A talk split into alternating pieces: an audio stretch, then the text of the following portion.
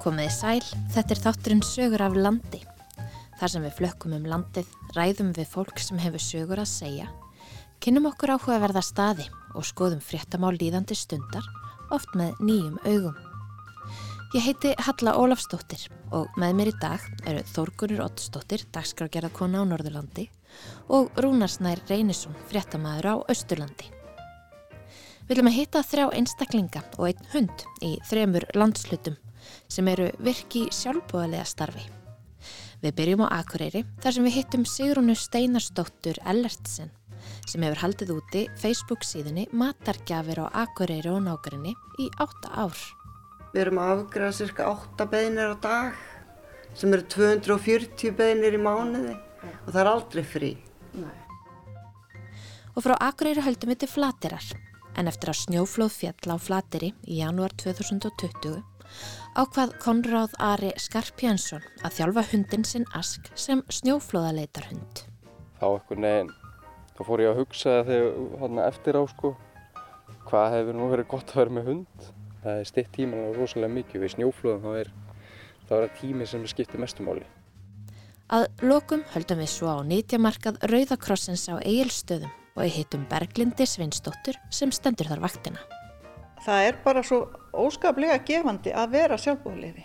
Til dæmis bara ef við minnumst á bara að opna fjöldihjálparstöð að sinna fólki þar og þess að þar. Bara mæli með því að fólk skrái sig og bara finni hvað þetta er gott fyrir hjartað að vera sjálfbúðliði. En við byrjum á Akureyri. Sigrún Steinarsdóttir Ellertsen hefur haldið úti Facebook síðinni matargjafir og akureyri og nákrenni í átta ár. Með síðinni veitur hún fólki mataraðstóð sem áþarfa halda. Fólk sem er aflögufært hefur samband, kemur með mat og situr á bekkin fyrir utan húsið hana Sigrunar og þánga geta þeir leita sem þurfa. Þorgunur Ottsdóttir kom við hjá Sigrunni og Akureyri.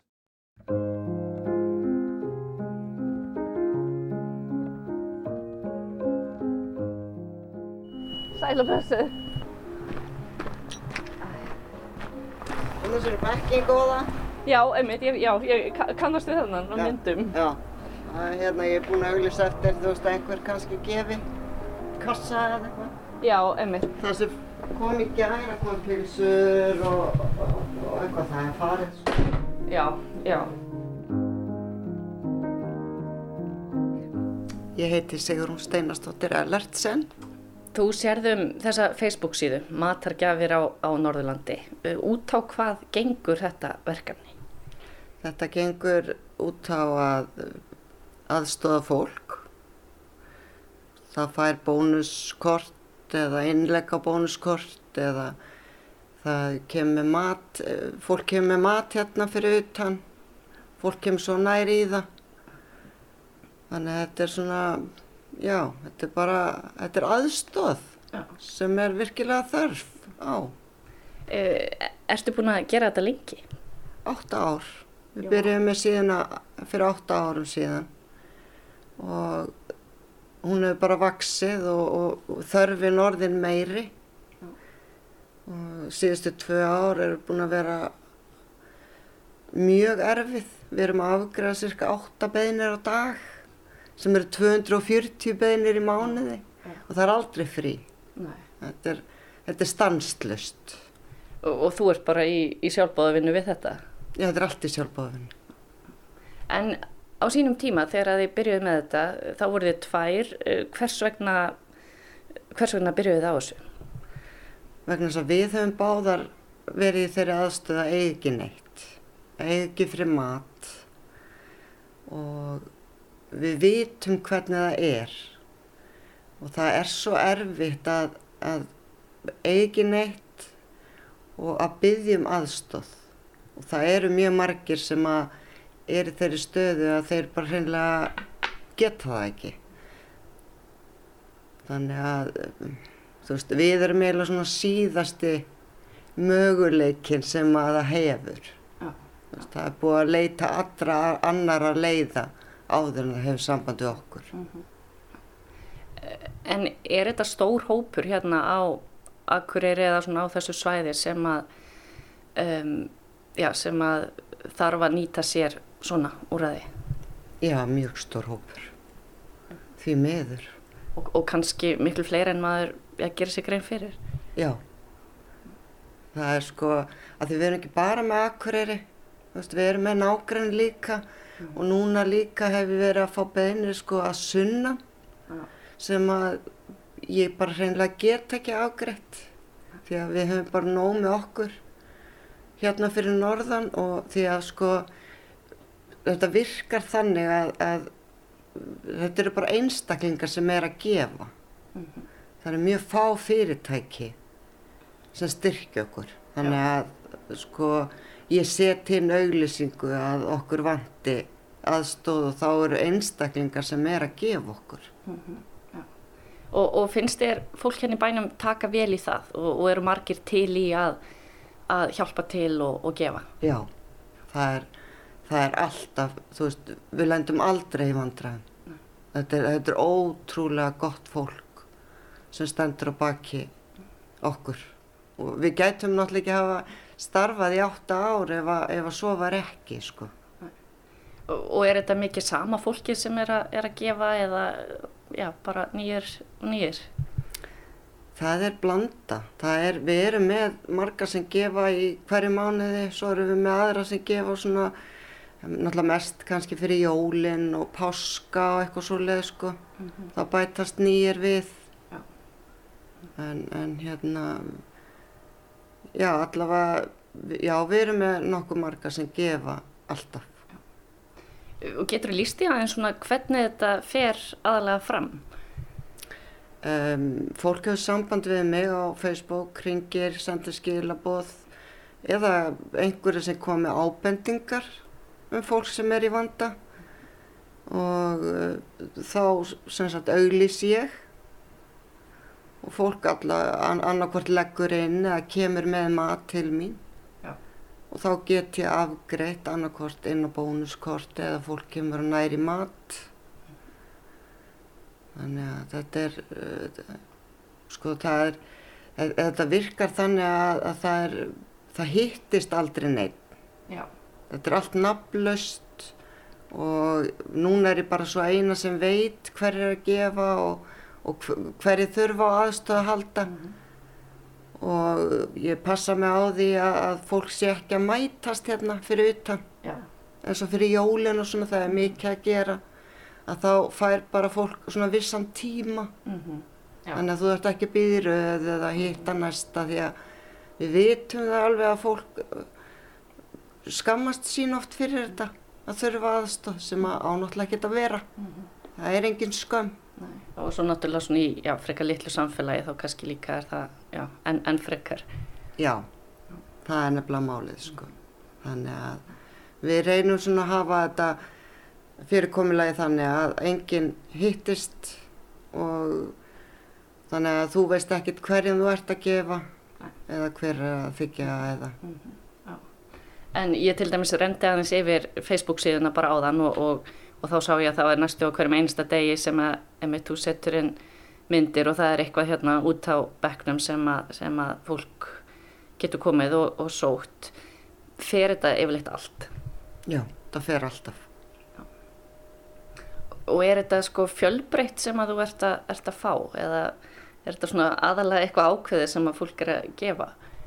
Nei, mjög fjölbreytt. Það er sko, stundum fáum við eldaðan mat í bökkum, og stundum fáum við brauð, sumir komum með matapoka Já. og stundum auglýsi ég eftir einhverju ákveðnu, þú veist, uh, kannski mjólk og nesti fyrir krakkana í, í skóla eða eitthvað og fólk stekkur til og kemur bara með. Já, já. Það, þetta, er, þetta er ótrúlegt, sko. Og, og þá er kannski líka fólk er ekkit endilega að gefa eitthvað sem að er afgangs hjá þeim heldur fyrir jafnvel bara í bónus og, og kaupir, kaupir fullan poka og, og, og gefur. Já, já, það gerir það. Og, og þú setur þetta hérna út á bekkin, fólk þarf ekkit að koma og, ringja dýrabjöllinni, það bara kemur og, og sækir. Það bara kemur og sækir. Þú veist, ef einhver er búinn að hafa samband við mig og óska eftir einhverju, þá tek ég það frá. Og stundum er, þú veist, þegar fólk er að, að gefa að þá fer það ekki á bekkina því ég er búin að útluta því Mhm. fyrir fram sko.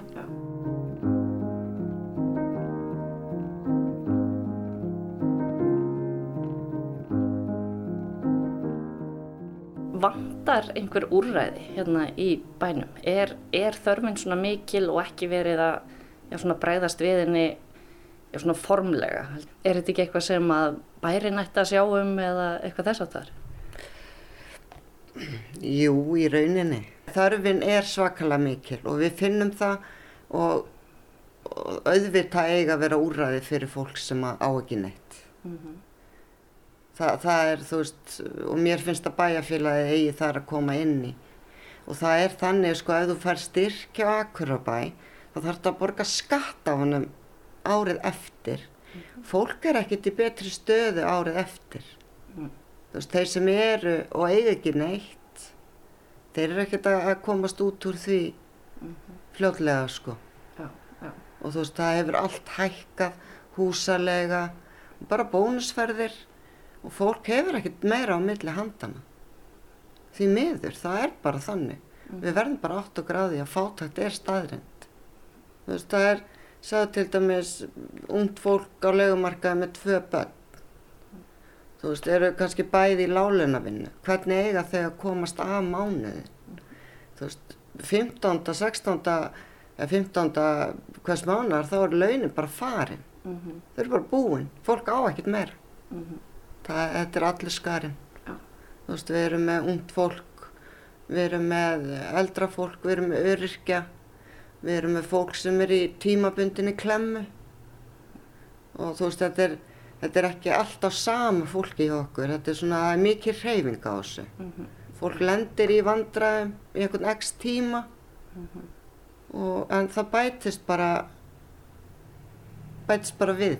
Já, já. Er, er, þetta ekki svolítið erfitt þegar maður er einhvern veginn í svona, í svona vinnu að mann hlýtur að langa bara að geta gert allt en það er einhvern veginn, það er ekki hægt kannski að hjálpa öllum og það er ekki hægt að, hægt að útvega allt, er ekki já, er, er það ekki svolítið erfitt einhvern veginn að bara að finna að það sé svona mikil þörf og, og kannski get ekki hjálpað öllum Það er mjög erfitt.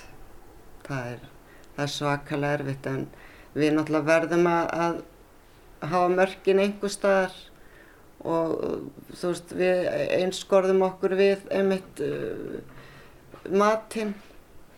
Fólk auglýsi sjálft, fatna og svona. Ég, ég, ég er ekki aðstöð til að taka á móti fatnaði eða, eða eitthvað svo leið sko. Þó ég fegin vildi.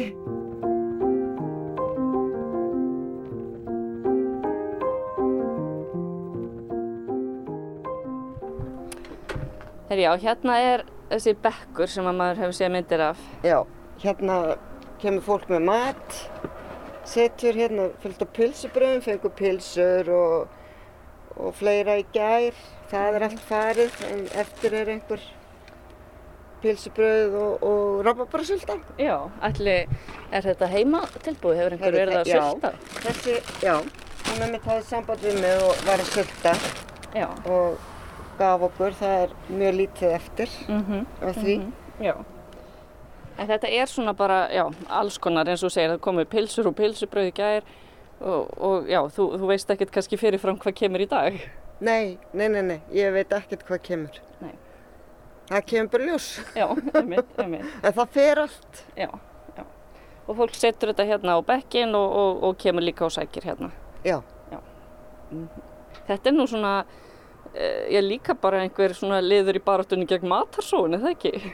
Jú, fólk er náttúrulega líka bara að koma með það sem er ekki að nýta hefur samband við mig, þú veist, viltu, þetta er búið að vera fristi hjá mér, ég er ekki að fara að nota þetta, þú veist, Já. viltu þetta?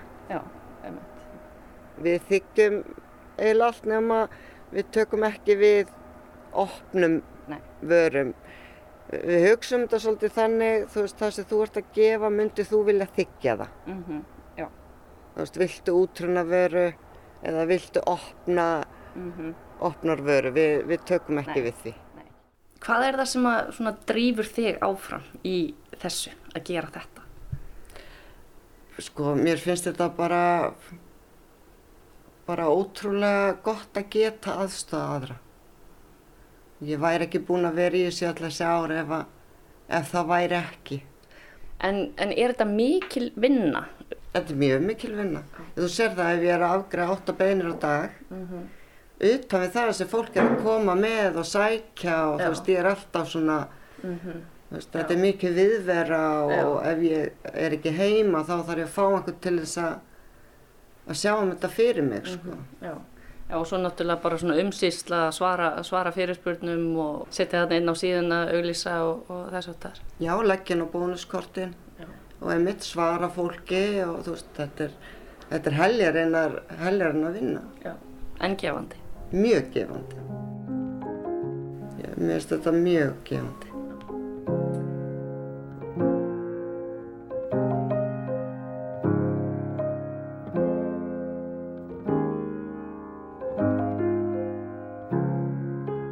Þorgunur Oddsdóttir rætti við Sigrúnu Steinarsdóttir Ellertsen sem heldur út í Facebook síðu til að veita þeim mataraðstóð sem áþurfa að halda.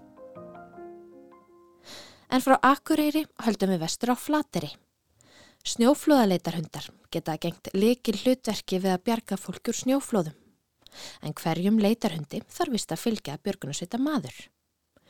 Á Flateri býr Konráð Ari Skarpjensson sem er í björgunarsveitinni Sæbjörgu á Flateri sem og í leitarhundum en hann á snjóflóðaleitarhundin Ask.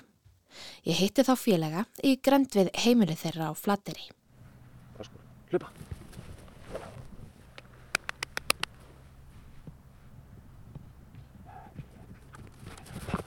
Herru, ég heiti Konráð og þetta er hann Askur, hundurinn minn. Hvernig hundur er Askur? Herru, þetta er Border Collie. Hann er að vera fimm ára núna í ágúst. Já. Það er snjóflóðaleita hundur. Já. Hann er aðprófið því og að er með sé í viðavangsleitt. Það verður vonandi unnaði því betur í, betur í sumar. Ef ættir að lýsa honum sem hundi, hvernig hundur er hann? Hann er hérna mjög gaman að leika sér með rosalega mikið drif. Getur verið óþólandi stundum, alveg kjössalega sko. En hérna, hann er voða ljúfur og góður. Gerir ekki flugum einn. Sá það vel í morgun, það var hérna nýr köttur sem kom hérna upp á húsinu hjá okkur og hann ákvað að prófa að opna hurðina og hann fór bara og nuttaði sig upp í hann.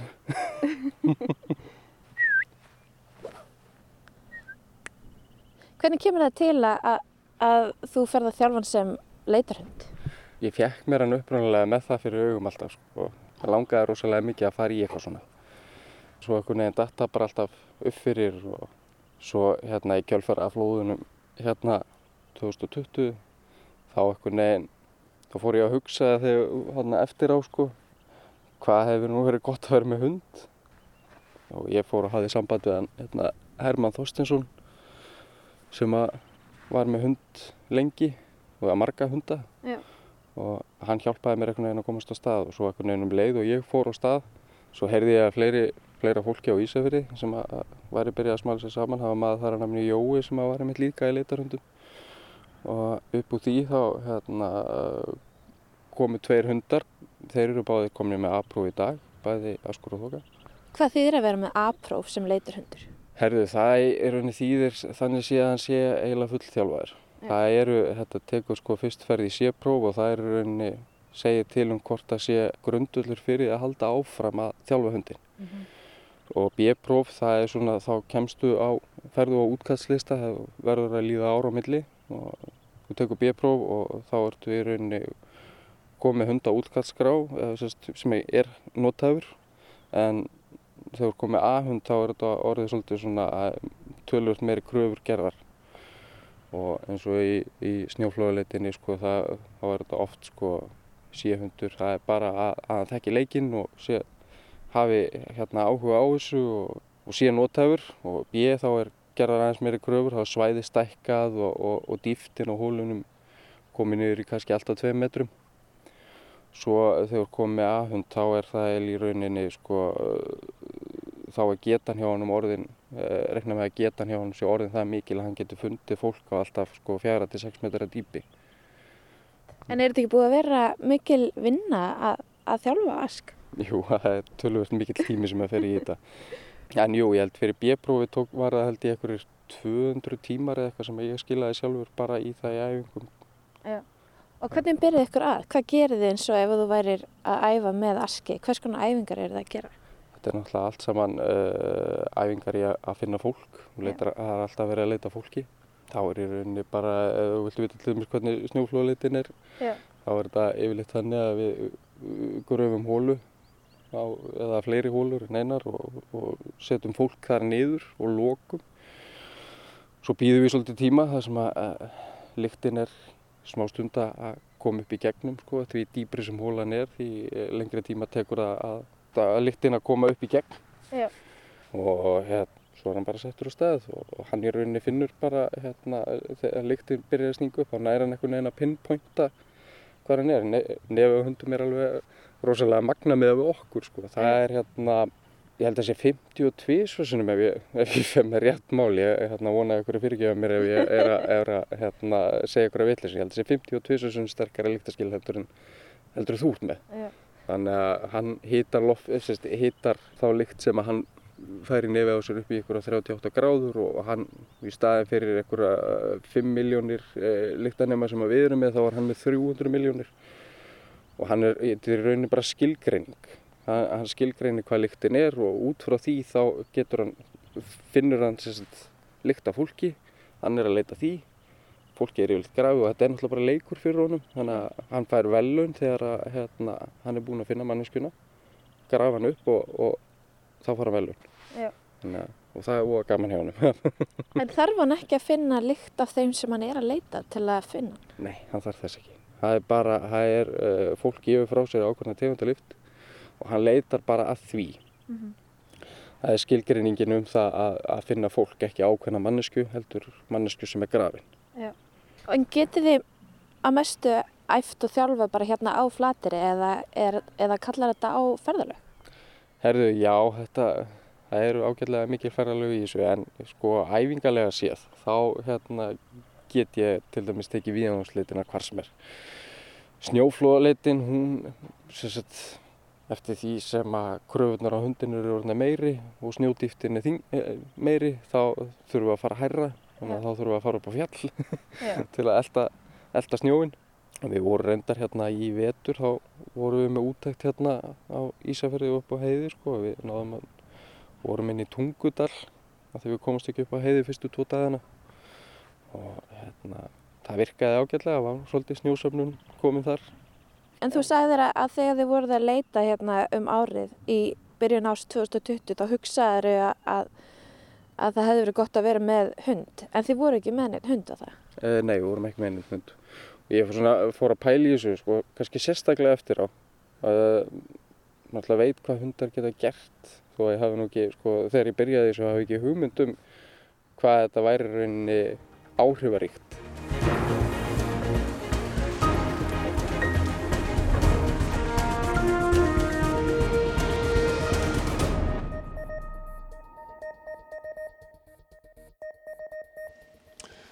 Gott kvöld. Unglingsstúlka bjargaðist úr snjóflóði sem fjall á hús hennar á Flateyri skömmu fyrir miðnætti nótt. Þrjú stór flóð fjallu með stuttu millibili, tvö þar og eitt í norðanverðum súandafyrði með þeim afliðingum að flóðbylgja skalla á hluta suðureyrar. Mikið eigna tjónum varð nær allir bátar á Flateyri eðurlöðust þegar snjóflóð fór yfir höfnina. Tilkynningar um snjóflóðin þrjú bárust neyðarlínu rétt eftir klukkan 11 í gerkvöld. Björgunarsveitir á Flateri og í Súandafyrir voru kallaðar út og hófst strax leita stúlkunni. Hún hafði grafist undir snjóflóðinu sem ruttist inn í hús hennar efst í byggð á Flateri. Móðir hennar og tvö yngri sískinni sluppu út í gegnum stofugluka. Flóðin sem fjall á Flateri kom úr bæjargili og skollakvilt. Stóra flóðið og skollakvilt ruttist niður með fram snjóflóðavarnagarðinum, alla leið niður á höfn og í sjófram. Af sjö bátum sem þar voru slitnuðu sex frá og eðilöðust. Hitt flóðið fór niður með varnagarðinum að norðanverðu en hlutið þess fór yfir garðin og á íbúðarhúsið ist í Ólafstúni efst í þorpinu. Flóðið mældist á alltaf 200 km hraða. Hús við höfnin á Flateri voru rýmd í nótt og íbúar í efstu byggðum þorpsins yfirgáfu heimili sín eftir flóðin. Björgunarsveitamaður sem tók þátt í leitina stúlkunni í nótt segir að það við auðveldað leitina að móður hennar gatt bent á í hvaða herbergjum væri. Notaðar voru snjóflóða stangir til þess að finna rúmstúlkunar þar sem tali var að hún væri. Menn fundu dínuna í rúminu, það var bara mjúkt eða stungu og þá var lögð áherslu að móka þar nýður. En hún var ekki í rúminu, hún var komin, þú veist, það, þú veist, já, farin úr því. En finnst mjög fljóðlega þegar það er svona lögð áherslu á rúmið og, og það sem ég heyrði bara á mínum öðum, það er, þeir hafa aldrei verið að vána að heyra grátur. Þannig að þið náðu sambandi við hana? Ja, hún heyrði okkur og öskrar en það er náttúrulega snjóðin svo svakalega þykkur og það herðist ekki mikið en svo bara leið og leiðum, veist, hún er finnst og þá fer hún að gráta og þá er náttúrulega bara tökum hana eins fljótt út og við getum og fengum aðstöði í sundlaunni sem var þá svona hlýjasta svæðið í bænum og pökkuð inn og og það var náttúrulega bara í sjokki náttúrulega og kallt og, en hún og þegar hún var komin í sundlu og búið taka hún úr blödu fötum og pakka henni inn þá fór hún að fá lit mjög fljótt og hætti að skjálfa á. Þannig heyrðum við í kvöld fréttum Rúf 15. janúar 2020. Sigriður Dögg Auðunsdóttir fréttamaður sagði frá og rætt var við Magnús Einar Magnússon, formann Björgunusveitarinnar Sæbergar á Flateri. Við vorum í 20-30 mínútur að finna hann og grafa hann upp ja, já, og hérna ég hugsa sko eftir á hvað hefði verið rosalega gott að vera búin að finna hann og staðsetja hann á mögulega á innan við fimm mínútur yeah. þannig að það er stitt tímanlega rosalega mikið við snjóflóðum þá er, þá er það tími sem skiptir mestumáli yeah. þannig að við hérna og þetta var svona til til að líti leitasvæði þannig að, að askur hefði eða snjóflóðhundir hefði geta einhvern veginn Eh, bent ykkur á kannski svona fyrsta staðan til að leita það svona meiri nákvæmni eða hvað? Já, við vorum alltaf með í rauninni svæðið sem slíkt var rosalega afmarkað en það var bara rosalega mikið að snjóaðninni þannig að við svona hálfpartinn skriðum hann inn til að byrja með. Allavega, já, eftir einhverja mínútur þá hefði hann geta sagt okkur hvar við ættum að grafa. Já. Það hefur náttúrulega sínt segja að hundarnir hafa skipt likil máli í þeim snjóflöðum sem hafa fallið hérna á, á vestfjörðum sérstaklega 90-95 mannstu eftir þeim tíma og varstu fann að spá eitthvað í þessu þá? Það er náttúrulega já, ég hérna, mann eftir því ég bjóð reykjólum þegar flóðu fjall þar og hérna, upplýði það svona uh, úr afhlýðalínni og hérna sá það sem að var um að vera en það tók náttúrulega ekki þátt í neinu, ég var tíur ára gammal og svo í, eftir það sem að gerðist hér og í Súðavík þá hérna, náttúrulega þekki Herman, tengist honum fjölskyldumöndum og, og, og vissi af því hvað hann og, og Mikki gerðu þarna á sínum tíma og já, þetta var hérna allavega kvekti svona áhuga minn á þessu já. og hérna ég hef alltaf bórið þetta með mér þó ég hafi aldrei einhvern veginn tekið í þátt í neinu, neinu fyrir en ég kem hinga sko. Þannig að jújú, jú, þetta, víst. Vonandi kemur ekki til þess að, að þið þurfa að fara að stað en þið þurfum vantilega samt að halda ykkur við. Já, það er alltaf, þetta er í rauninni, hérna, þú stoppar aldrei. Nei. Asku fann að byggja um aðtikli. Aðeins og það. Já.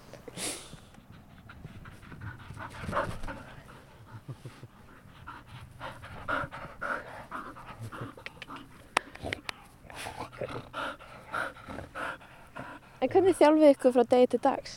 Sko bara svona þegar við erum ekki neinum svona þannig sé æfingum fyrir eitthvað svoleiðis þá er ég alltaf að reyna að örfa hausinu á hann með eitthvað nýtt. Ja. Við vorum með þetta að fá með takkaborð svona sem hann getur ítt á takka inni og hérna ég reyna að reyna að fá hann til að fara að tala við mig.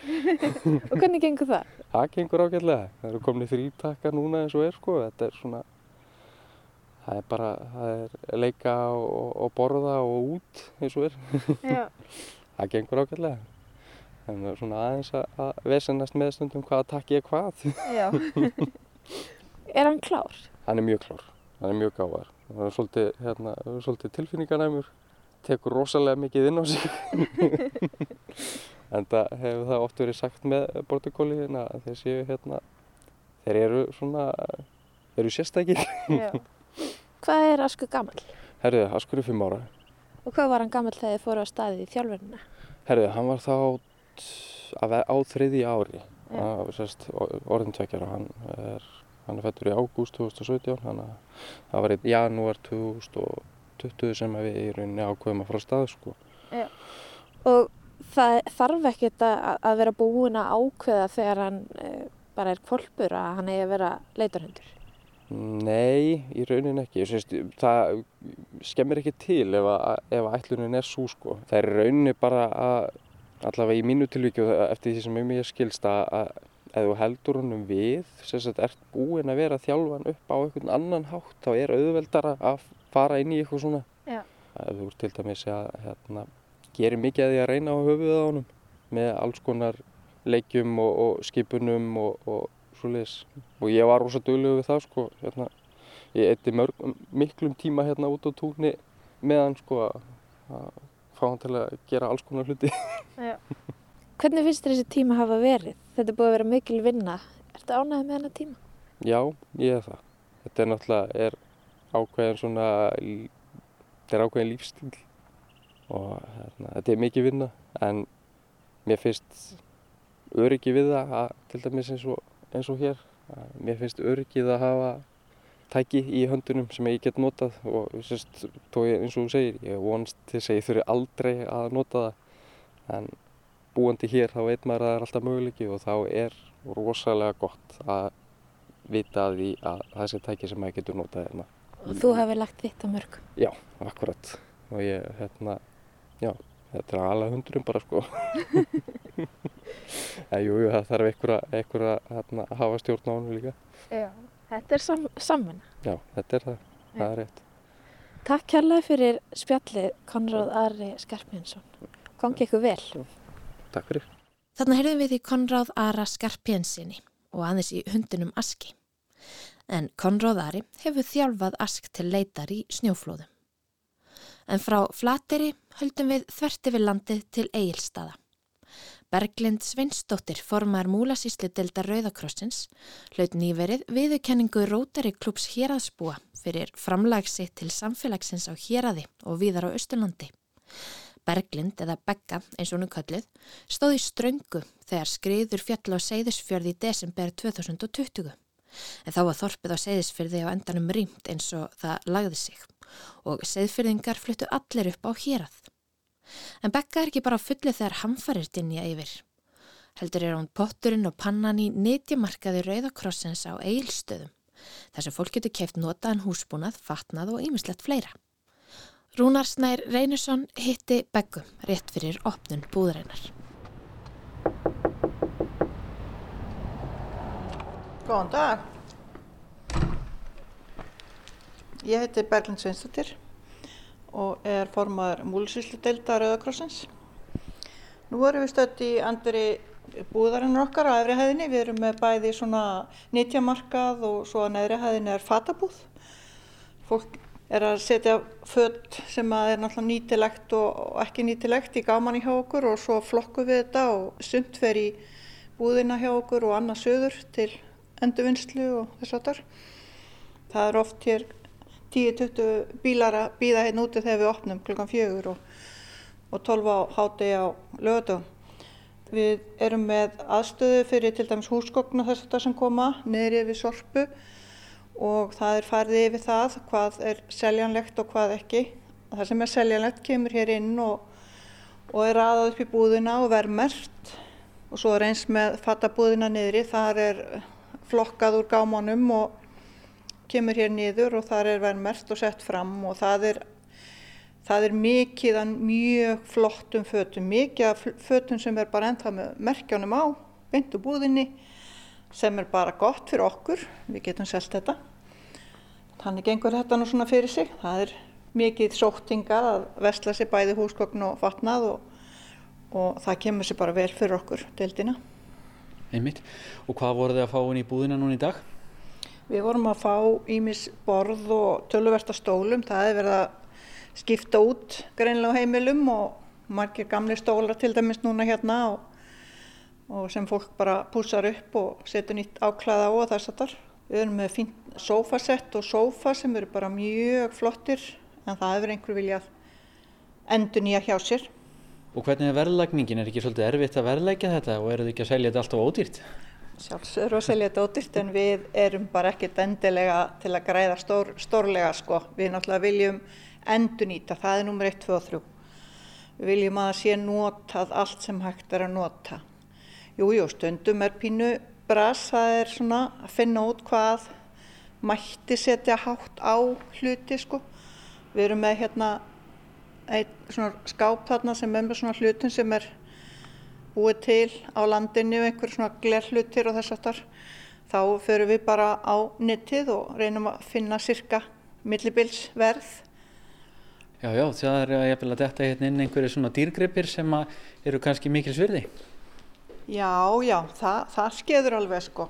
Það er náttúrulega þegar fólk er að skipta út til dæmis bara gömlum þú veist skápum og möblum svona það er og svo setjum við þetta á Facebook síðan okkar og það er slegist um að koma hérna á hurðina hverju fyrstur að ná því. já, já, það skeður alveg að séu svolítið velvermætt sem kemur. Akkurat. Og þetta er náttúrulega heilmikil vinna og, og, og hvernig hefur þú tíma í alla þessa sjálfbóða vinna? Já, maður gefur sér alltaf. Þetta að vera sjálfbóðaliði, alveg sama hvort það er hjá Rauðakrossinum eða, eða öðrum, ég er sjálfbóðalið hjá fleiri félögum sko, að það er bara svo óskaplega gefandi að vera sjálfbúðliði. Til dæmis bara ef við minnumst á bara að opna fjöldihjálparstöð að sinna fólki þar og þess að þetta er, þetta er svo gefandi og ég bara mæli, bara mæli með því að fólk skrái sig endilega koma náttúrulega til okkar í Rauðakrossinum og bara finni hvað þetta er gott fyrir hjartað að vera sjálfbúðliði. Skinnjar þau þakklæti hjá fólki? Já, mjög mikið. Það er náttúrulega rosa mikið af erlendu fólki til dæmis sem að er að koma og vesla hjá okkur og það, það er allir þakkláttir en það er svona áberandi hvað þau hafa minna millir handana og eru alveg stórkostlega þakklátt og náttúrulega eins og þegar við opnum fjöldihjálparsöðuna fyrir Seyðisfjörð þegar að flóðin voru þar það er ennþá að heita fólk sem að þarf á því að halda knúsamann og þess aftar. Það er, það er bara stórkoslegt. Það er bara einhvern veginn, já, maður lefnar eiginlega bara við, það er svo mikið þakklæti. Og hvernig ákvæmst þú að taka þátt og hvernig kom þetta til að þú fórst að hjálpa til í Rauðakrásinu? Sko ég er náttúrulega búin að vera í mörgum svona samtökum og hvernfélögum og ýmsu svona. Mér finnst þetta, eins og ég sagði, bara mjög, mjög mikil svirði fyrir hjartað að sinna svona störfum og þetta er bara, bara stórkoslega líðan að sinna þessu. Og er þetta ekki líka skemmtilegu félagskapur? Jú, maður heitir svo mikið af fólki, bæði sem eru sjálfbóðaliðar og, og stafsfólk og svo bara sem maður heitir, þetta er bara frábært sko, kynist mörgum. En hefur þú aldrei upplifað bara einhverja þreytu, svona hefur ekki aldrei komið kallið og þú hefur verið algjörlega orkulegs og bara ekkert nema mæðan? Jú, jú, það er alveg þannig sko. Þá bara verður maður að hafa vitaði að bakka út og aðri taka við og þú veist, það er bara eðlilegt í öllu sem við erum í lífinu að, að lenda á veggin sko. En þetta er frábært bara og ég mæli enn, enn og aftur með því að fólk gerist sjálfbóðaliðar og finni hvað þetta er gott. Og ykkur vantar eiginlega sjálfbóðaliða hérna í Rauðakrossinum á Ísturlandi, er það ekki? Jú, okkur vantar sjálfbóðaliða, okkur vantar bæði hérna til að vinna með okkur hérna í búðunum og svo bara til að vera á skrá ef við þurfum að opna fjöldihjálparstöð þá, þá þurfum við bara að vera með svo margar hendur sko til þess að getum synd fólki vel ef eitthvað kemur upp á. Og hvað er langt í opnun hjá þér? Það er engi farnir að sapnast saman hérna fyrir utan en þá? Nei, það stittist nú í það. Það, er oft svona 20 myndur fyrir opnum, 20 myndur fyrir fjögur. Þá ser maður fyrstu bílana ræðast hérna við húsveikin. Og þið hérna í Rauðakrossbúðinu á Eilstöðum, þið gætuðurinni verið að taka móti miklu meira af dóti ef þið bara hefðu ákveðin útbúnað og ákveðin mannskap? Já, við gætum það náttúrulega. Og ég vissum að, að mörguleiti er þörf fyrir það að vera með meiri, meiri af dóti hérna í búðanum sko. Fólk kringir oft hérna í kringum, svæðinni hérna í kring og þeir vilja gefa búslóðina sína og eitthvað þess að þar og ef við sækjum það en við erum bara ekki með græjur til þess að sækja dót í heimahús. En þú talaði ráðan um að þú upplifið mikið þakklæti. Hvernig upplifir þakklætið og hvernig, hvernig eru samskiptin við fólkið í samfélaginu hjá sjálfbóðlegum? Sko, samskiptin eru náttúrulega mjög góð sko. Mér langar að segja til dæmis frá einu þegar við vorum á Seyðisfyrði með fjöldhjálpstöðina. Þá var ringdið mig kona frá Akureyri.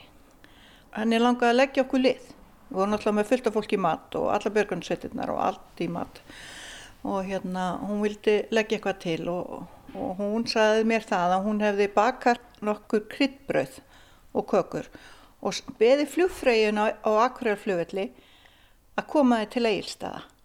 Hún kom þessu til Reykjavíkur með fluginu og önnur flugflöga tók þetta til Egilstaða og þar tók ég við svo flugvellinum og fór með þetta á Seyðisjörð. Svona skipti máli. Það voru rosalega margi sem að löða okkur lið, sendu allra handa mat og, og, og hlýjarkveðjur og svo leist til okkar þegar við stóðum í þessu og það er algjörlega storkoslegt. Landið allt saman var með okkur í þessu og ég er bara klökk sko. Þetta er alveg frábært. Þetta er kannski líka gefandi að, að upplifa svona góðmennsku í kringum sig einhvern veginn þegar fólki kemur og vil hjálpa til. Já, sjálfsögðu. Þetta er bara samstaði yfir landi þegar svona stóri ratbyrðir gerast. Bara tæmt heitt sveitafélag og á þessum tíma er náttúrulega COVID á fullu og svona venjulegum aðstæðum þá kemur fagfólk að sunnan, starfsmenn frá Rauðakrossinum og sinna þessu haldu utanum okkur þegar svona kemur upp á. En í þessu tilfelli var það ekki hægt. Við fengum engan að sunnan því að það var náttúrulega bara COVID. En sem betur við fengum við fjórar flottar konur frá Akureyri sem að lögðu okkur lið í uppræðsopnum sem voru svona sálrætni aðstóð sko. Og það var frábært, algjörlega frábært.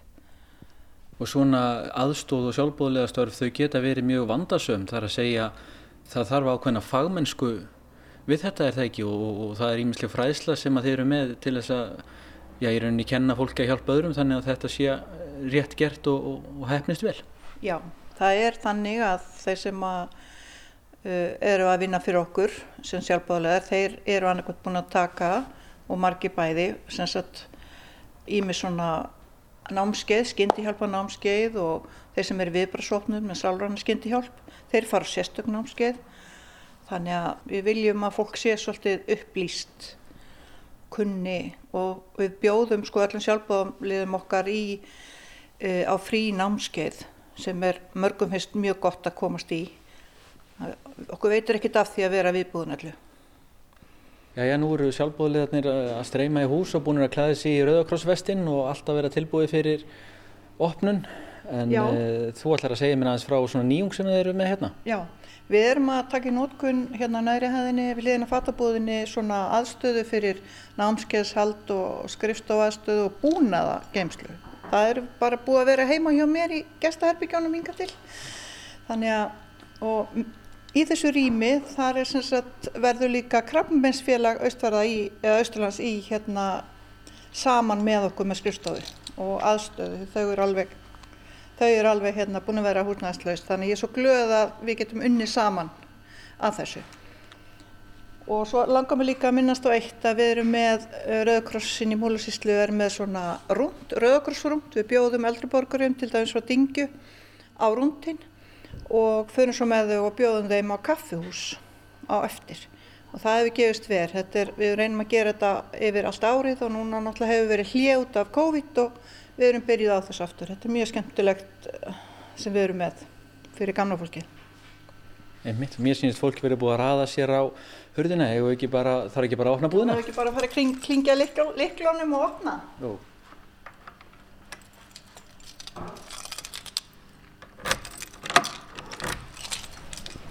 Gjör þið svo vel, takk fyrir.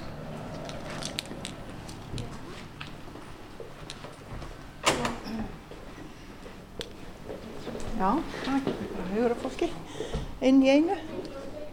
Oft er þetta þannig að það eru býða kannski 10-20 bílar hérna úti þegar við opnum á mótnana, eða semst opnum búðina.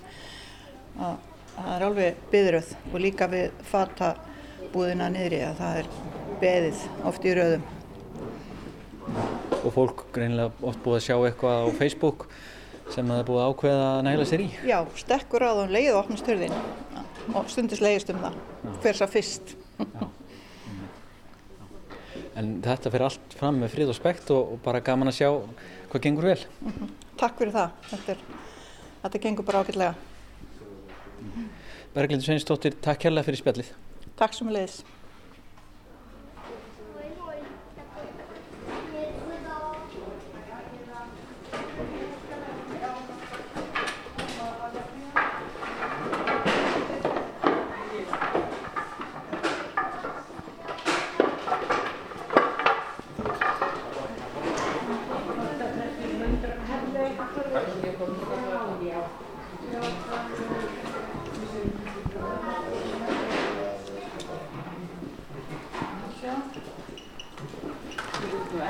Það þú vilt borga fyrir þetta?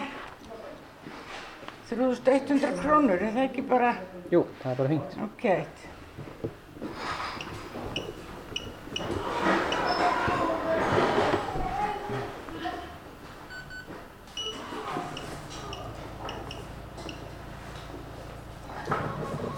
Kveitununa? Nei, takk